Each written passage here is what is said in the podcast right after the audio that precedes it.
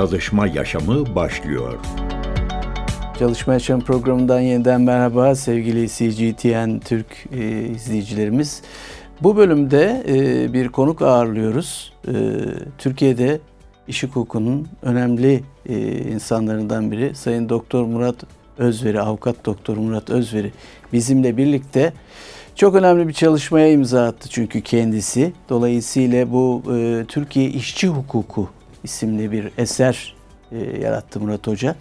Dolayısıyla hem bu eseri üzerine konuşacağız hem de tabii güncel bazı gelişmeler var iş hukuku ile ilgili ülkemizde. Bunları kendisiyle konuşacağız. Hemen ben hocama merhaba demek istiyorum. Merhabalar Murat Hocam. Merhaba Hüseyin Bey, iyi yayınlar diliyorum. Çok teşekkürler bugün bizimle birlikte olduğunuz için. Hoş geldiniz tekrar. Sevgili hocam, e, Türkiye işçi hukuku ama e, işçi hukukuna geçmeden önce tabii soracağım neden iş hukuku değil de işçi hukuku? Önemli sorulardan biri bu.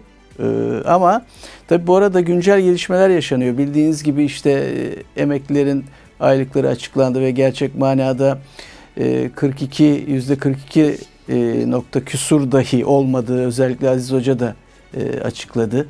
E, 33'lerde e, 7500 lira asgari ücret e, düzeltiyorum asgari ücret değil emekli aylığı alan emeklilerin aylıklarına son derece cüzi e, son derece hayal kırıklığı yaratan bir artış gerçekleşti ama e, onu da konuşuruz. Onun ötesinde bildiğiniz gibi e, ısıtıp ısıtılıp e, ortaya sürülen yine İş kanununda bir takım değişiklikler ki esneklik uygulamaları içeriyor bunlar. İşte bireysel iş sözleşmelerinde sınırın ortadan kaldırılması gibi, kıdem tazminatına yönelik çalışmalar gibi e, bir takım çalışmalar da gündeme geldi. Dilerseniz kısaca bunlara bir değinelim. Ondan sonra kitap üzerine konuşmaya başlarız tabii ki. Tabii şimdi benim izleyebildiğim kadarıyla tabii ortada somut bir taslak ya da tasarı yok. Basından izlediğim kadarıyla hareket noktası olarak işçileri ilgilendiren bir dizi sorunun birden fazla yasada düzenlenmiş olduğu, bunların bir dağınıklık yarattı. Bu yasalar arasında çelişkilerin bulunduğu belirtiliyor. Evet bu doğru bir gerekçe. Gerçekten de sonuçta iş sözleşmesi ya da hizmet akdiyle çalışanların birden fazla kanuna tabi olarak çalışıyorlar biliyorsunuz. Basın iş evet. yasası var, deniz iş yasası var. Borçlar yasası kapsamında çalışanlar var. E, tarım iş yasası olmadığı için iş yasasının kapsamında kalıp yine borçlar yasası. Hava işleri biliyorsunuz iş yasasının kapsamı dışarı, dışında bunlar da borçlar yasasına tabi oluyor. Burada işin düzenlenmesi, kıdem tazminatı, kıdem tazminatına hak ediş koşulları hatta haftalık çalışma süresine ilişkin birbiriyle çelişen bir takım hükümlerin olduğu bir gerçek. Gerçek. Şimdi bu gerçekle e, tüm bunları düzeltecek bir iş yasası yapılabilir ancak biz geçmiş deneyimlerimizden biliyoruz ki her zaman haklı bir gerekçeden hareket edildiğinde e, o gerekçede ile mağdur gösterilen kesimin lehine hukuki düzenlemelerin yapılmamasını da sık sık karşılaşıyoruz. Bunun en somut örneklerinden bir tanesi biliyorsunuz dava şartı olarak arabuluculuk ya da bilinen deyimiyle zorunlu arabuluculuk. Evet. Zorunlu arabuluculuk evet. hareket noktası olarak iş mahkemelerindeki yargılama sürelerinin aşırı uzun olduğu ki böyle bir gerçeklik var. Bu gerçeklikten hareket ederek öyle bir düzenleme yaptılar ki işçiler alabilmeleri gereken, almaları gereken hakların çok azına imza atmak zorunda kalan, işverenin ödemediği işçilik alacaklarını e, ibra etmesinin hukuki zemini haline gelen bir kurum yarattılar. Kurum yarattı. Gerekçe haklı ancak ortaya çıkan sonuç bambaşka olmuştu. Ben bu nedenle bu tür haklı gerekçelerden hareket ederek korunmak istenen kesimi mağdur edecek şekilde yapılan düzenlemeleri sineği sağır etmek metaforuyla açıklıyorum. İşte kısaca adamın birisi bir araştırma yaptı sinekler üzerine kavanoza koymuş bir sineği vurunca sinek sıçramış ölçmüş sineğin iki kanadı iki ayağı olduğu zaman 40 santim e, sıçrıyor. Sonra iki ayağını koparmış bir daha ölçmüş 20 santim. Sonra kanatlarını da koparıp vurunca sinekte hareket olmayınca demiş ki sinek sağır oluyor.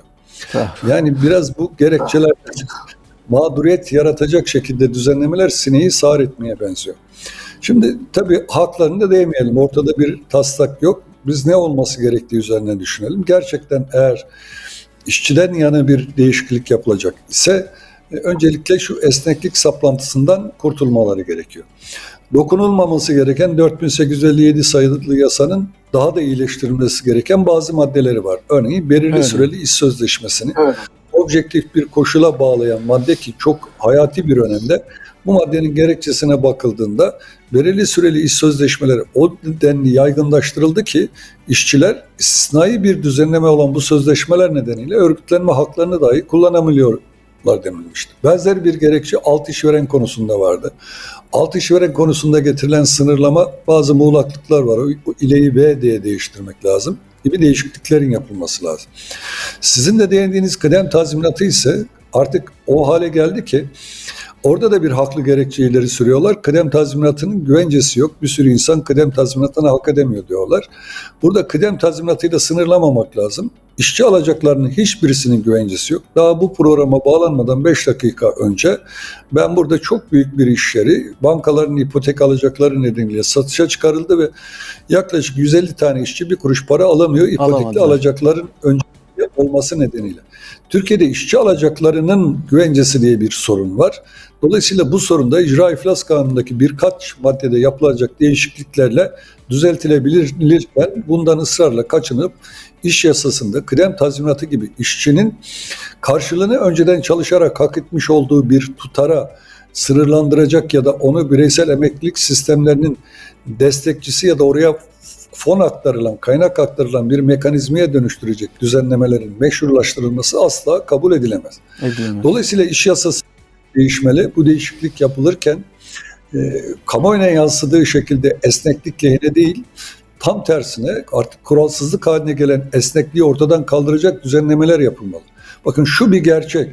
Türkiye'de çalışanlar hangi sektörde, hangi konumda olursa olsun, örneğin genel müdür muavini dahi olsa, bakın statüsü bu dahi olsa, Evet. çalışırken iş yasasından kaynaklanan haklarını arayamıyorlar.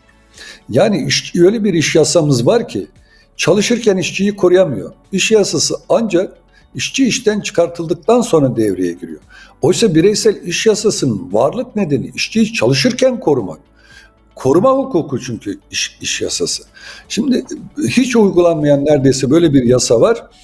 E, Bunun somut örneklerini de verebilirim. Örneğin haftalık çalışma süresi 45 saattir. Fazla çalışmalar dahil günde 11 saatten fazla fazla Aşamaz. çalışma yapıla, yaptırılamaz. Yani 11 saati aşamaz pardon. Yılda 270 saat aşılamaz. Gece 7,5 saati aşılamaz gibi düzenleyici hükümlerin hiçbirisi uygulanmıyor. Gece 7,5 saatin üzerinde de insanlar çalıştırılıyor. Bu nedenle de bu tür çalışmalar ki yasa dışı çalışmalardır. Yargıtay bunu fazla çalışmaya ilişkin hükümleri uygulayarak kendince yaptırımlandırmaya çalışıyor. Oysa tümüyle yasa dışı bir çalışma. O halde evet iş yasası değişmeli ama bu yasa öyle bir değişiklik geçirmeli ki işçiler çalışırken iş yasasından doğan haklarını aradıklarında işlerinden olmayacakları, baskı görmeyecekleri, hak aramanın bedelini ödemek zorunda kalmayacakları bir güvence sistemiyle donatılmış yeni bir iş yasası gereksinim midir? Gereksinim. Evet. Bu iş yasasında kıdem tazminatı özel olarak eline alınacaksa 1936 yani 3008 sayılı yasadaki düzenlemeye benzer bir şekilde kıdem tazminatının iş sözleşmesinin sona ermesiyle ilişkisi ortadan kaldırılmalı. 1950'ye kadar öyleydi. Hangi nedenle ve hangi durumda olursa olsun işçi işten çıkartıldığında işçiye kıdem tazminatının ödenmesini öngören bir düzenleme yapılmalıdır. Mesele güvence meselesi, sınırlandırma meselesi vesaire değil. Yani bir tek cümleyle özetlemek gerekirse çalışma hayatındaki, iş yerlerindeki maliyet kaygısını ya da işletmeyi koruma anlayışını iş hukukunun dışına çıkarmak lazım. İşletmeyi ticaret kanunuyla, vergi mevzuatıyla, teşviklerle evet koruyabilirler. Onların tercihidir. Ama iş hukuku alanında, çalışma hayatı alanında iş yasaları üzerinden bir işletmeyi korumak demek, işçilerin haklarının baskılanması, daha da geriye götürülmesi demektir. Zaten uygulanmayan bir iş yasası var. Bunun anlamı da zorunlu arabuluculukta yaptıkları gibi işçiler çalışırken arayamadıkları haklarını işten çıkartıldıktan sonra da çok cüzi bir tutarına ulaşmalarını sağlayacak bir düzenleme yapmak anlamına gelir ki o zaman da bir iş yasasına gerek yok. Borçlar yasasındaki genel hükümler yeterli bunun için. diyorsunuz. Peki. Evet. Hocam o zaman dilerseniz şimdi e, kitaba da doğru geçelim yavaşça. 3 yıllık bir çalışmanın ürünü yaklaşık olarak ve hakikaten son derece farklı bir e, eserle karşı karşıyayız. Ben tabii aynı zamanda bir iş hukuku kütüphanesi kendimce oluşturmaya çalıştığım için benim kütüphanemde hemen e, en değerli yerlerinden birini aldı eserinizle ilgili olarak öncelikle tekrar tebrik ediyorum sizi emeğinize sağlık diyorum. Tabii son derece farklı bir eser çünkü baktığımızda e, iş hukukunun dünyadaki gelişiminden yola çıkarak Türkiye'deki hem kronolojik e, gelişimine bakıyoruz iş hukukunun ama aynı zamanda ekonomik, sosyal, siyasi olaylarla birlikte iç içe geçerek e, bir süreç izliyor. Kitapta da buna e, diyalektik bir bütünlük içerisinde değinilmiş.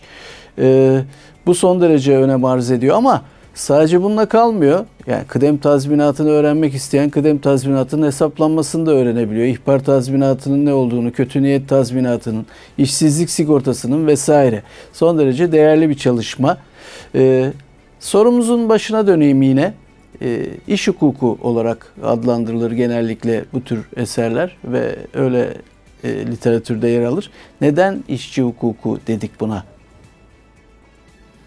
İşçinin Şimdi aslında e, e, haklarını yememek için söyleyeyim. Kitabın isim babası benim dışımda da birkaç kişi var. E, öncelikle e, nasıl bir bu kitabın yazılması gerektiği konusunda değerli dostum Profesör Doktor Aziz Çelik'in çok ciddi ısrarları hatta baskıları olmuştu. Zaman zaman espriler yapıyordu. Yani Murat Özer'in yazılmayan kitabının şu sayfasındaki gibi diye. Kimi panellerde dile getirdiğimiz görüşler ortak dostluğumuz nedeniyle bildiği bir sürü şey nedeniyle. E, biz bu yola çıktığımız zaman e, işte eleştirel iş hukuku diye önce düşündük. Sonra e, ben dedim ki ilk itirazımızı kitabın isminde yapalım. Neden iş hukuku olsun? İşçi hukuku olsun dedik. Aziz de bunu çok beğendi. Biz çok yeni bir şey keşfetmişiz duygusuyla kitabın adını işçi hukuku olarak belirledik. Evet. Bir telefon görüşmesinde değerli hocam Mesut Gülmez'le konuşurken kitabın adının işçi hukuku olarak belirlediğimizi söylediğimizde hoca gülerek bize dedi ki yeni bir şey söylemiyorsunuz. Zaten onun adı işçi hukukuydu. İşte 1919'dan sonra bu iş hukuku olarak dönüştürüldü. Türkiye'de de basılan ilk iş hukuku kitabının adı işçi hukukudur dedi. Onu deyince biz hemen o kitabın peşine düştük ve bulduk da zaten. Buldunuz mu? Evet 1906 yılında e, basılmış. E, bu kadar kapsamlı değil ama belki daha öncesi de olabilir bilemiyorum ama adıyla o, o, o şekilde basılmış bir e, Türkiye Türkiye'si yok işçi hukuku kitabı. Şimdi kitabın girişinde de bir metafor var. Aslında o metafor her şeyi de izah ediyor. Deniliyor ki eğer e, ağacı meyvesini yememiz ağacı kurutacaksa biz o ağacın meyvesini yemekten vazgeçeriz. Eğer sanayileşme bizim insanımıza eziyet, e, yoksulluk, e, emeğin yağmasını getirecekse biz öyle bir sanayileşmeyi reddederiz. İş hukuku bunu reddederek başlar diyor. Evet. Ali Fuat Başkay'ın kitabı. Şimdi dolayısıyla biz e, bunu da görünce hem daha bir e, özgüven kazandık hem birazcık da kavramın gelişimine araştırdık. E, Aziz de baktı, biz de baktık. Uluslararası literatürde de iş hukuku diye bizden başka kullanan yok. Herkes işçi hukukunu kullanıyor aslında uluslararası literatürde de. Çünkü zaten iş hukukunun biraz önce söylediğim gibi öznesi işçi. O nedenle de biz Türkiye İşçi Hukuku dedik kitabın adına. Evet. İçerikte işçi hukuku kavramını kullanıp kullanmamayı da çok kendi aramızda tartıştık ama çok ciddi bir kavram karmaşasına neden olacaktı. Yürürlükte olan bir mevzuat söz konusu. Bu mevzuat nedeniyle biz o içeride yine klasik iş hukuku dedik. İş hukuku. Ama e, hem kitabın ilk kapağında hem iç kapaktaki Marco Paşa'da 1949 yılında çizilen bir karikatürle kitap kendini anlatsın istedik. Çünkü iş hukukunun tarihsel gelişimini özetleyen bir karikatürdü. 1949 yılında çizilmiş olmasına rağmen 49 sonrasını da ifade ediyordu. Türkiye'de iş hukukunun tarihsel gelişimine baktığımız zaman işte e, devlet ki Çalışma Bakanlığı ile temsil edilir. İşveren ittifakı halinde işçinin ezildiği bir sistem halinde gelişmiştir. Ne yazık ki özeti bu. O karikatürde örsün üzerine yatırılmış bir işçiyi iş, işveren ve e, Çalışma Bakanlığı birlikte e, çekişlerle, balyozlarla döven bir karikatürdü. Dolayısıyla biz aslında kapak iç kapak ve kitabın adıyla e, ana mesajı da vermeye çalıştık. İş evet. hukuku denilen şeyin aslında işçi hukukudur. Varlık nedeni işçi ile işveren arasında bir denge kurmak, işletmeyi koruyarak işçiyi korumak gibi bir takım sonradan iş hukukunun esnekleştirilmesi, sulandırılmasıyla kabul edilen özellikle de son 40 yılda çok sık işlenen e, çarpıtmalardan arınmış öznesinin işçi olduğu, işçiyi korumak için var olan belki de işçiyi korumak için yani bir sınıfı korumak için özel bir kanun olma özelliğini de taşıyan tek bilim dalı olması nedeniyle hareket noktası olarak buradan başladık. Tabi burada e, önemli bir şeyden söz ediyoruz. İş hukukunun koruyucu bir yanı olması gerekiyor. Ancak bunu pratiğe baktığımızda göremediğimizde açık bir biçimde dile getirdiniz. E, eleştiriler var kitapta aynı zamanda konu başlıklarının içerisinde e, eleştirilere de yer veriyorsunuz. E, tam olarak e, neyi amaçladınız kitabı hazırlarken? Kitabı hazırlarken asıl amacımız yine e, zamandan tasarruf edelim. Şöyle formül ettik. İşçisiz iş hukukuna itiraz çabası. Evet. Bu konuyu Özellikle açalım biraz tabii. kavramı üzerinden. Esnekleştirme üzerinden iş hukuku, işçiyi korumaktan çok uzak bir hale geldi. Konuşmamın başında da söylediğim gibi bir iş yasası düşünün ki yürürlükte olan bir yasa bu ama işçiler çalışırken bu yasadan yararlanamıyorlar. Bir. Evet yararlanıyor diyenler gelsin. Yani bu kurumsal iş yerleri dahil ki bunları da ayrı bir başlık altında kitapta aldım. Kurumsal iş yeri üzerinden meşruiyet sağlanırken emeğin nasıl yağmalandığını, nasıl bir organizasyon kuruldu, tedarikçi firmalar üzerinden, bu organizasyon üzerinden kurumsal iş yeriyle kendisini aklayan iş yerlerinin aslında emeğin yağmasını nasıl örgütledikleri ve emeğin yağmasının da baş düzenleyicisi olduklarını da kendimce ortaya koymaya çalıştım. Birincisi bu. Yani işçilerin çalışırken statüleri ne olursa olsun, mühendis olsun, doktor olsun, avukat olsun, e, genel müdür yardımcısı olsun isterse çalışırken iş yasası üzerinden haklarını alamıyor. Birincisi bu bir sosyal gerçeklik. E bu bile başlı başına yeterli zaten bir itiraz etmek için. O zaman iş hukuku niye var diye sorarlar insan. İkincisi Dava açtıktan sonra hani bir şeyde efsanesi var ya açılan tüm davalar işçiler kazanıyorlar diye. Bir an için bu şehir efsanesinin gerçek olduğunu kabul edelim. İşçilerin açmış oldukları tüm davaları kazandıklarını varsayalım. Bu varsayımızda dahi işçiler bizdeki yargılama sisteminden doğan bir takım hatta çalışma hayatının kuralsızlığının da doğan yani iş hukukunun düzenleyici hükümlerinin hayata geçmemesinden, geçirilememesinden kaynaklanan nedenlerle işçi çalışırken alacağı 100 lirayı dava açıp da aldığında faizleri vesaire her şey dahil aslında gerçek olarak eline 100 lira yerine ya 60 lira geçiyor reel anlamda söylüyorum. Evet. Yani yüzde 40 hatta yüzde 60 arasında yani 100 lira yerine 40 lira kazandığı davada ya da 100 lira yerine maksimum 60 lira almak zorunda kalıyor. İşçiler davaları kazanırken kaybediyorlar. Zaman aşımı nedeniyle kaybediyorlar. İşverenin çalışma belgesi düzenlememesi, ücret pusulası düzenlememesi, belge tutma yükümlülüğüne aykırı davranması nedeniyle haklarını örneğin fazla çalışmayı tanıkla ispat etmeleri nedeniyle Yargıtay'ın yerleşik bir iştahat ki hiçbir hukuki dayanağının da olmadığını düşünüyorum ve bunu savunuyorum kitabımda.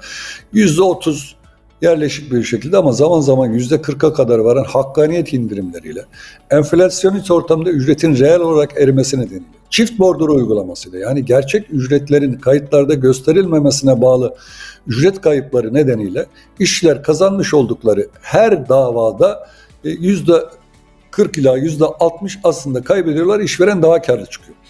E bu iş müfettişlerin raporlarına da yansıyor. İnşaat sektöründe yapılan bir iş müfettişleri araştırmasında diyorlar ki bunlar yasalara uymuyor. Çünkü yasalara uymamanın getirdiği getiriyle yasalara uymanın getirdiği maliyeti mukayese ediyorlar. Maliyet çok daha yüksek olduğu için e, e, pardon yasalara uymamanın getirisi çok daha yüksek olduğu için yasalara aykırılığın maliyetine işveren katlanıyor. Yasalarda uymuyor diyorlar. Devletin resmi raporlarında var. Bunlar sadece e, bu raporlarda kalmamış. Mesela iş mahkemeleri kanunun tartışması yürürken kanunun gerekçesinde iş yasasının var olduğundan işveren ya da işçinin dahi haberdar olmadığına yönelik e, çok ciddi sosyolojik tespitler var bu gerekçeler.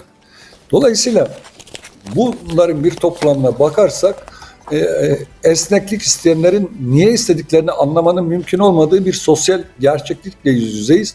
Esneyebildiği kadar esnemiş hatta kuralsız hale gelmiş çalışırken uygulanmayan bir iş hukuku var. Şimdi bu iş hukukunun var olduğunun kabulünün kendisi dahi bir sürü şeyin üzerine bir perde olarak örtüyor ve üstelik de son dönemlerdeki yargı pratiği de işçi lehine yorum ilkesinin, işçiyi koruma ilkesinin çok fazla mutlaklaştırdığı eleştirileri karşısında ciddi ödünler vermeye başlıyor. Erozyona uğruyor. İş hukuku bir anlamda var olan haliyle birlikte ki çok yargı pratiği çok önemliydi. Yargıtay kararları özellikle çok ciddi bir şekilde işçi aleyhine bir iştahat hukukuna doğru yöneliyor. Tümüyle böyle oluştu diyemem bu haksızlık olur ama böyle bu tür eğilimler güçleniyor ve bir karşı eğilim yok. Dolayısıyla bir 37 yıldır iş hukukçusu olarak çalışan birisi olarak tüm bu sürece itirazımızı dile getirmemiz gerekiyor. Bir başka eksiklik olarak şahsen gördüğüm bir şey, hiçbir kavram gökten zembille inmiyor. Türkiye'de ciddi bir kavramların e, oluştuğu, geliştiği, şekillendiği bir havuz var. Dolayısıyla miladı 1936 bile alsanız bugün kullandığımız iş hukuk kavramlarının süreç içerisinde nasıl anlamlarını geliştirdiği, değiştirdiğini görmek ve bugünkü kavramları anlamak için olaya tarihsel bir perspektifte bakmak gerekiyordu. Zaten birinci bölümdeki yaklaşık bir 400 sayfa bunu yapmaya çalıştık. Birçok şey o tarihsel gelişim içerisinde ele alındığında çok daha yerine oturmuş olduğunu gördük. Türkiye'de iş hukuku ya da işçi hukuku tartışmaları yeni değil. 1967 yılında Türkiye İşçi Partisi'nin mecliste olduğu dönemde 130 e, yanlış hatırlamıyorsam maddelik bir kanuna 152 teklif vererek nasıl işçi lehine kanunu şekillendirmeye çalıştıklarını meclis tutanaklarında tanık olduğumuzda o gün söylediklerinin bugünkü yaşanan gerçeklik olduğunu gördüğümüzde de hayreti de yaşayınca bu kez tarihsel döneme önem vermenin bir kez daha yerinde olduğu sonucuna çıkardı. İş hukuku çoklu bir disiplin. Çoklu bir disiplin olduğu için de aslında birden fazla e, uzman tarafından ele alınması gerekiyor. Ekonomi politikle çok ilgili. Sosyolojik evet. bir boyutu var. Evet. İnsanların e, davranış bilimi açısından önemi var aidiyet duyguları anlamdan önemi var. Örneğin işçinin e, işverende işine karşı haklarını arayıp aramamasında hal, halen veli nimet anlayışının, baba işveren anlayışının ya da iş yeri aidiyetinin önemli olduğunu düşünüyoruz. Hatta beyaz yakalı diye sınıflandırılan bir grup var ki bu da çok ilginçtir. 1967'de e, bağımlı çalışan herkesin işçi olarak hukuki statüsünün net olarak belirlenmiş olmasına rağmen halen kafa emeği üzerinden kendisini işçi olarak görmeyen ve buna inanmış ciddi bir beyaz yakalı kitle var ve bu beyaz evet. yakalı kitlesinde o evet. kadar ciddi bir iş yeri aidiyeti var ki bu iş yeri aidiyeti nedeniyle hak aramanın önünde ciddi bir davranışsal engel. Bu aynı zamanda işçinin kendi kendine denetimi açısından da çok ciddi bir e, faktör. Bu buna benzer yani dediğim gibi davranış biliminden tutun ekonomiye kadar bir dizi şey var. Şimdi tabii e, bu kadar geniş bir alanda bunları kapsayacak şekilde bir eser yaratmaya kalktığınızda sanıyorum haklıyım bu korkumda korkuyorsunuz ben de korktum. Korktuğum için e, bir yanıyla da e, kolektif bir çalışma ortaya koyduk. Kitabı e, benim dışımda ben yazdım.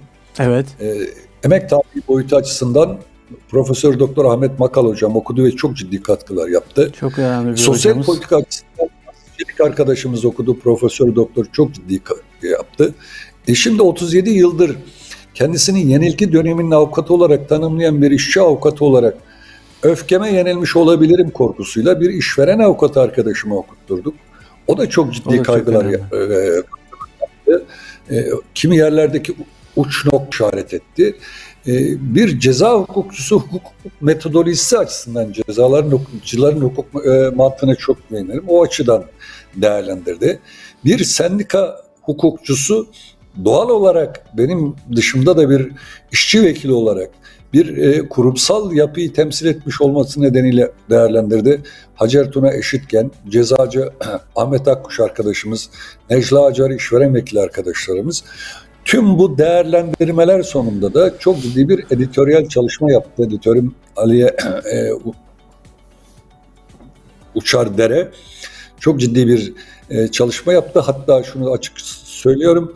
e, yetersiz de buluyor bunun editoryal çalışmadaki özellikle redaksiyon bölümünü çok fazla acele ettirdiğimi söylüyor. Haklıdır da doğrudur da bir takım gözden kaçırılmış şeyler varsa e, bu sevgili editörüme benim zaman e, dayatmamdan kaynaklıdır. Hataları o nedenle de yeri gelmişken belirtip üstlenmekte de yarar var. Peki, Dolayısıyla yani böylesi bir çalış- şunu anlıyoruz. Oldukça kolektif evet. bir çalışma esasında. Değil mi hocam? Ee, ve değişik açılardan bakılmış. Yani işçi tarafı, sendikal taraf, işveren denetlendi. tarafı gibi. Evet, denetlendi. Ee, ama bu sadece denetim değil. Örneğin şu kaynak e, bu alanda bu kitap için yeterli güvenceli bir kaynak değildir. Bunu araştır notundan tut da örneğin bir hiç unutmuyorum dipnotta karıştırmışım. İşverenin söylediğini işçi söylemiş, işçinin söylediğini de işveren söylemiş gibi yazmış. Evet. Aziz Çelik şöyle bir not düşmüş. Ya burada bir uyumsuzluk var. Kaynağına bir daha bak diye. Sadece o bakım yazısını görür görmez bakar bakmaz ben anladım. Dedim ki ya bu tam tersi olmuş yani. İşçinin evet. ya mantığa da aykırı zaten. Buraya kadar tabii ki çok ciddi bir katkı. Yani sonuçta bu kitap 2220 sayfaydı Hüseyin Bey.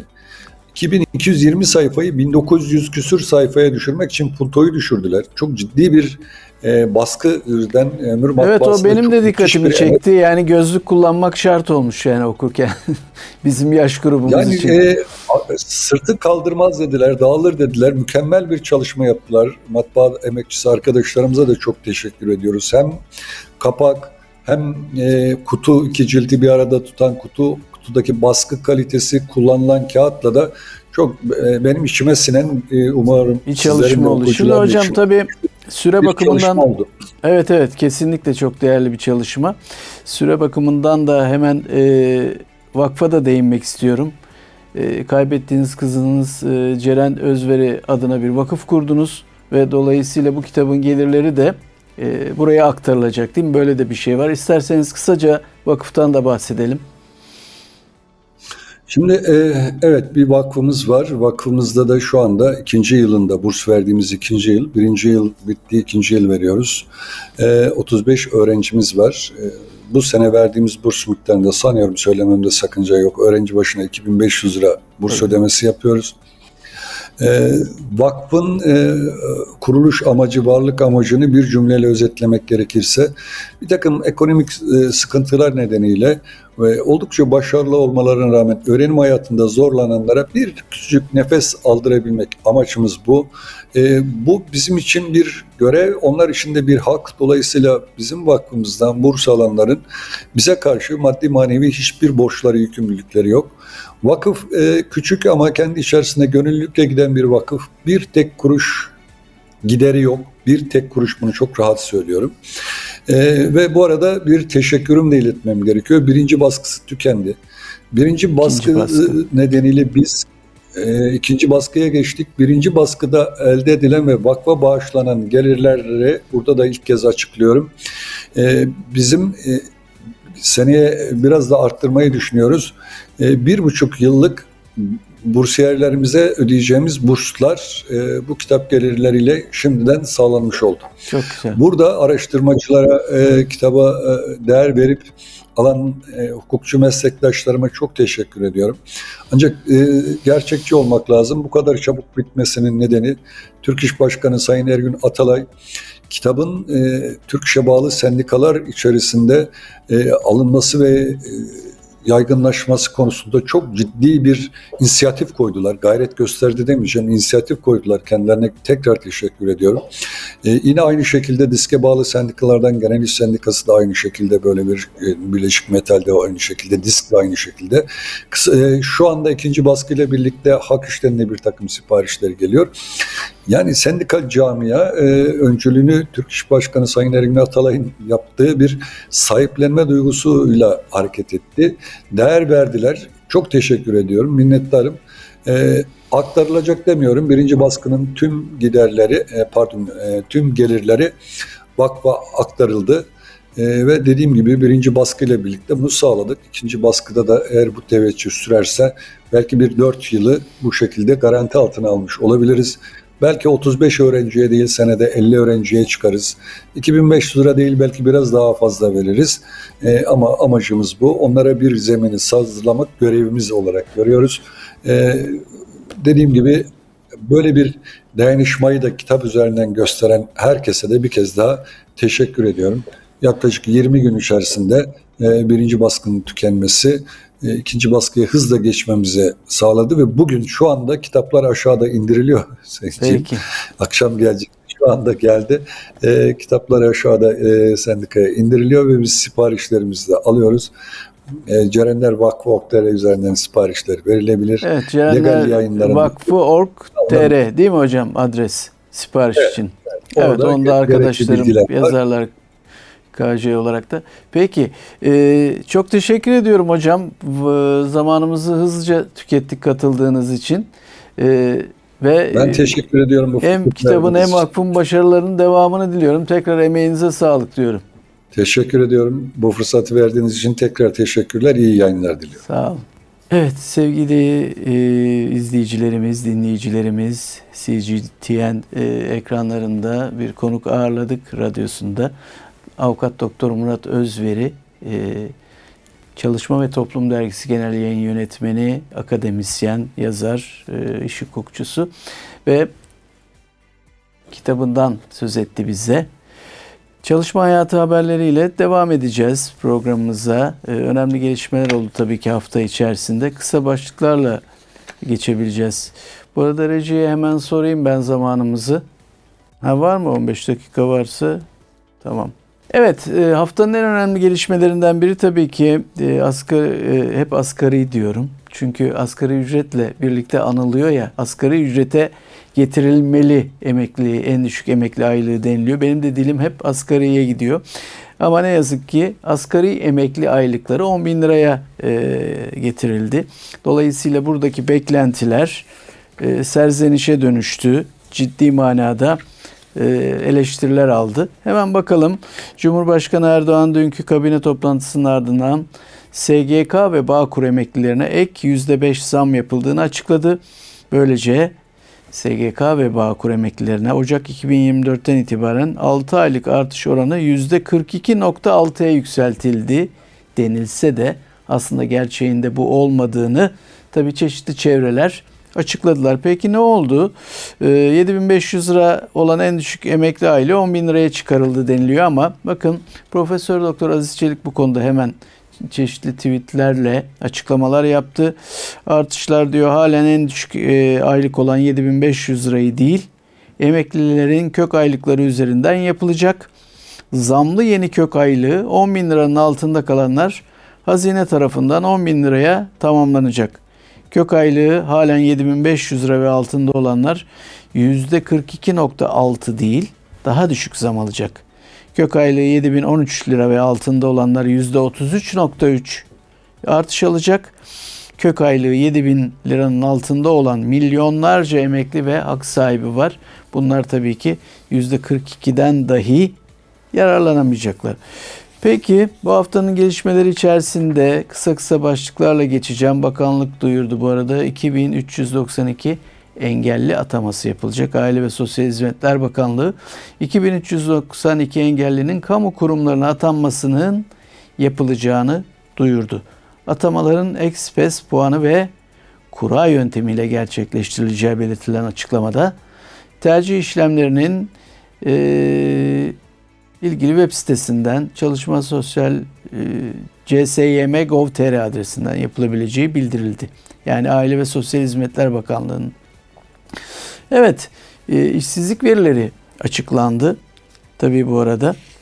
Ücretli çalışan sayısı bir ayda 200 bin kişi azaldı. Sanayi üretiminde yaşanan 5 aylık daralma ücretli çalışan verilerine de yansıdı. Ücretli çalışan sayısı 2023 yılı Kasım ayında bir önceki aya göre 200.476 kişi azalarak 15 milyon 106 bin 556'ya geriledi.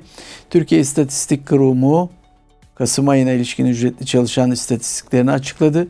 Sanayi, inşaat ve ticaret, hizmet sektörler toplamında ücretli çalışan sayısı 2023 Kasım ayında bir önceki aya göre yüzde 0.2 düşüşle 15 milyon 105 bin 556 kişiye geriledi. Tabii bunu doğrulayan yani çalışan sayısının azaldığını doğrulayan bir başka haberde İşkur'un e, İşkur'a yapılan iş başvurularında e, genci yaşlısı İşkur kapsamı, kapısında başlığıyla yayınlanan bir haberde İşkur'a kayıtlı 15-34 yaş arası işsizlerin %33'ü bir yıldan uzun süredir iş arıyor.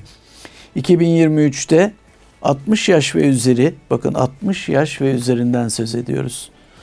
8551 kişi işe yerleştirildi. Hani emeklerini için çalışılıyor, çalışıyorlar deniliyor ya. Ocak-Kasım döneminde 60 yaş ve üzeri 6800 kişi işsizlik ödeneğine başvurdu. Yoksulluğun derinleştiği ülkede iş kuyruklarında her yaştan yurttaşlar bulunuyor. En yaygın iş arama kanalı iş kurum verilerine göre 2023'te kuruma kayıtlı 2 milyon 420 bin 451 kişi iş ararken 1 milyon 237 bin kişi de kurum aracılığıyla işle yerleştirildi. Kuruma kayıtlı işsiz sayısı 2022'ye kıyasla %20 oranında azaldı deniliyor. Şimdi bakıyoruz sadece ülkemizde değil tabii başka işten çıkarma haberleri de var. Bunlardan biri de nereden geldiği hemen bakıyorum haberlerimin arasına Google'dan. Google yüzlerce çalışanı işten çıkardı. Google tarafından yapılan açıklamada donanım, sesli asistan ve mühendislik birimleri gibi çeşitli departmanlardan yüzlerce işçinin çıkartıldığı belirtildi. Açıklamada şirketin önceliklerine yatırım yapılacağı kaydedilerek bazı ekipler küresel olarak bazı görevlerin sonlandırılmasını da içeren bu tür kurumsal değişiklikler yapmaya devam ediyor. İfadeleri yer aldı. Google 13 Eylül 2023'te işe alım ekiplerinin boyutunu küçültme yönünde karar açıklamıştı. Ama IMF'den de ilginç bir haber var bu arada. Yapay zeka işlerin %40'ını et, e, etkileyecek deniliyor. Ee, Uluslararası Para Fonu IMF tarafından yapılan yeni bir analize göre yapay zeka teknolojisi dünya çapında tüm işlerin yaklaşık %40'ını etkileyecek. IMF Başkanı Kristalina Georgia ve e, yapay zekanın genel eşitsizliği daha da kötüleştirileceğini söyledi. IMF yapay zekanın gelişmiş ekonomilerdeki işlerin büyük bir bölümünü yaklaşık %60'ını etkileyecek. Demek ki işsizliği bir anlamda körükleyecek ama küresel işsizliğin artacağını Uluslararası Çalışma Örgütü ILO da söylüyor. ILO'nun raporlarına göre 2024 yılında küresel işsizlik oranı artacak giderek artan sosyal eşitsizlikler dikkat çekecek. Ee, dünyada istihdam ve sosyal görünüm eğilimleri 2024 raporunda Ayalo'nun 2024 yılında iş arayan kişi sayısının 2 milyon artması ve böylelikle küresel işsizlik oranının 2023'te %5.1 seviyesinden %5.2'ye çıkması bekleniyor. Genç işsizlik oranı da sorun teşkil edecek düzeylerde seyrediyor. Evet çok ciddi problemlerden biri ki ülkemizde de böyle bildiğiniz gibi gençlerin işsizliği elbette ki.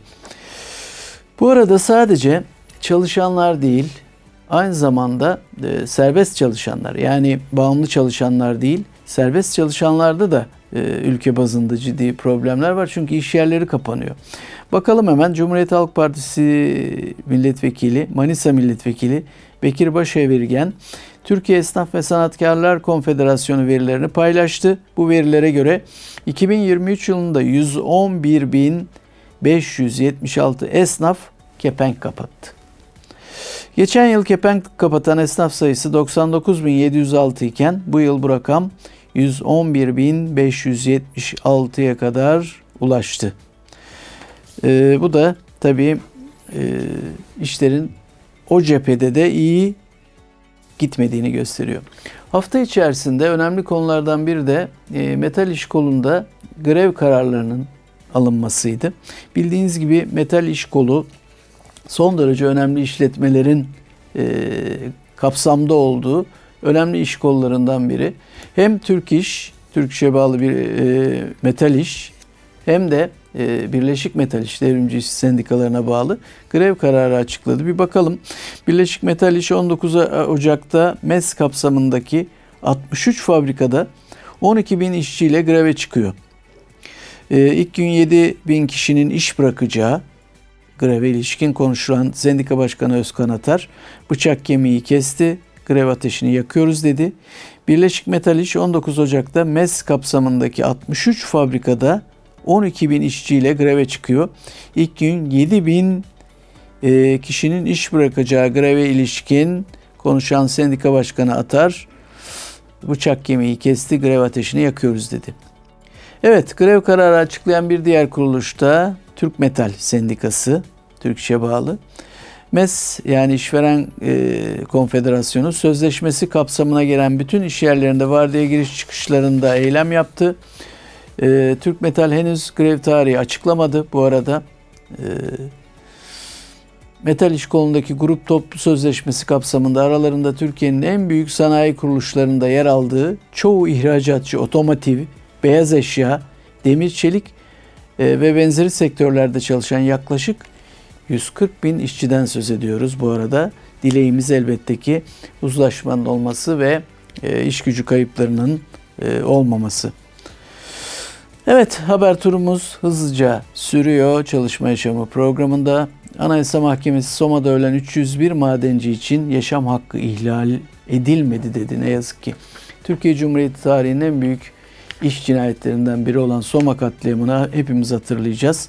13 Mayıs 2014'te Soma Holding'e ait maden ocağında çıkan yangında 301 işçinin hayatını kaybetmesiyle ilgili davada ilk karar 11 Temmuz 2018'de çıktı. Ee, tabii detayına çok fazla giremeyeceğim ama Ceza Dairesi 30 Eylül 2020'de tarihi bir karara imza atarak sanıkların bilinçli taksirle öldürme suçundan değil, olası kastla öldürme suçundan cezalandırılması gerektiğine hükmederek yerel mahkemenin kararını bozdu. Oy birliğiyle alınan bu karara göre sanıkların olası kastla öldürme suçundan 301 kez ayrı ayrı cezalandırılması gerekiyordu fakat bu olmadı. Ee, program içerisinde Murat Hoca ile de konuştuk. Milyonları ilgilendiren kanun teklifi meclise geliyor. Teklif neler içeriyor? Çalışma hayatı ile ilgili bazı düzenlemeler söz konusu. Meclis başkanlığına sunuldu bu teklif. Yasayla birlikte asgari ücret desteği 2024 yılında aylık 700 lira olarak uygulanacak. Bu biliniyordu zaten. Sigortalının işveren desteği bu bildiğiniz gibi. Sigortalının kısa çalışma ödeneğinden yararlanabilmesi için gereken asgari prim ödeme gün sayısı 600'den 450'ye indirilecek.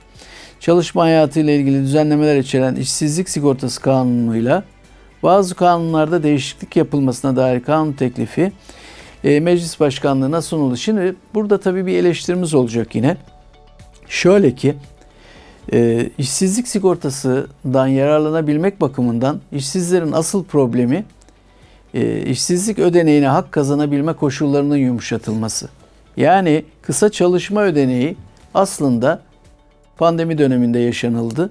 E, force majör haller diyebileceğimiz olağanüstü hallerde ortaya çıkan ve ödenen bir ödenek. Asıl burada problem işsizlerin işlerini kaybettiklerinde alabilecekleri ödenek. Burada 600 gün ve son 3 e, son 3 yıl içerisinde işini kaybettikten geriye dönük olarak son 600 gün içerisinde son 3 yıl içerisinde 600 gün prim ödeme gün şartı ve son 120 günün kesintisiz olması işsizleri derinden etkiliyor ve bunda herhangi bir düzenlemeye gidilmediğini de görüyoruz. Evet, e, emeklilerin zammını konuştuk. Ne yazık ki orada bir hayal kırıklığıyla karşı karşıya kaldı emekliler. İşçilerin kaderinin ucuz ölümler mi olduğu sorusu soruldu yine hafta içerisinde. Çünkü Sultanbeyli'de bir fabrikada konteynerde çıkan bir yangında ne yazık ki 3 işçi hayatını kaybetti. İki işçi ise, ise ağır yaralandı. Konteynerin barınmaya uygun olmadığını belirten uzmanlara göre denetimsizlik ve ihmal işçilerin canına mal oldu. Hızlı bir haber turu yaptık ee, ve e, programımızın böylece sonuna doğru gelmiş olduk. Ee, bir konuk ağırladık. Önemli bir çalışması vardı. Sayın Doktor Murat Özveri, Avukat Doktor Murat Özveri'yi ağırladık bu haftaki programımızda ve çalışma hayatındaki gelişmelere baktık. Önümüzdeki hafta bir başka programda yeniden birlikte olmak ümidiyle huzurlarınızdan ayrılıyorum. Hoşçakalın. Çalışma yaşamı sona erdi.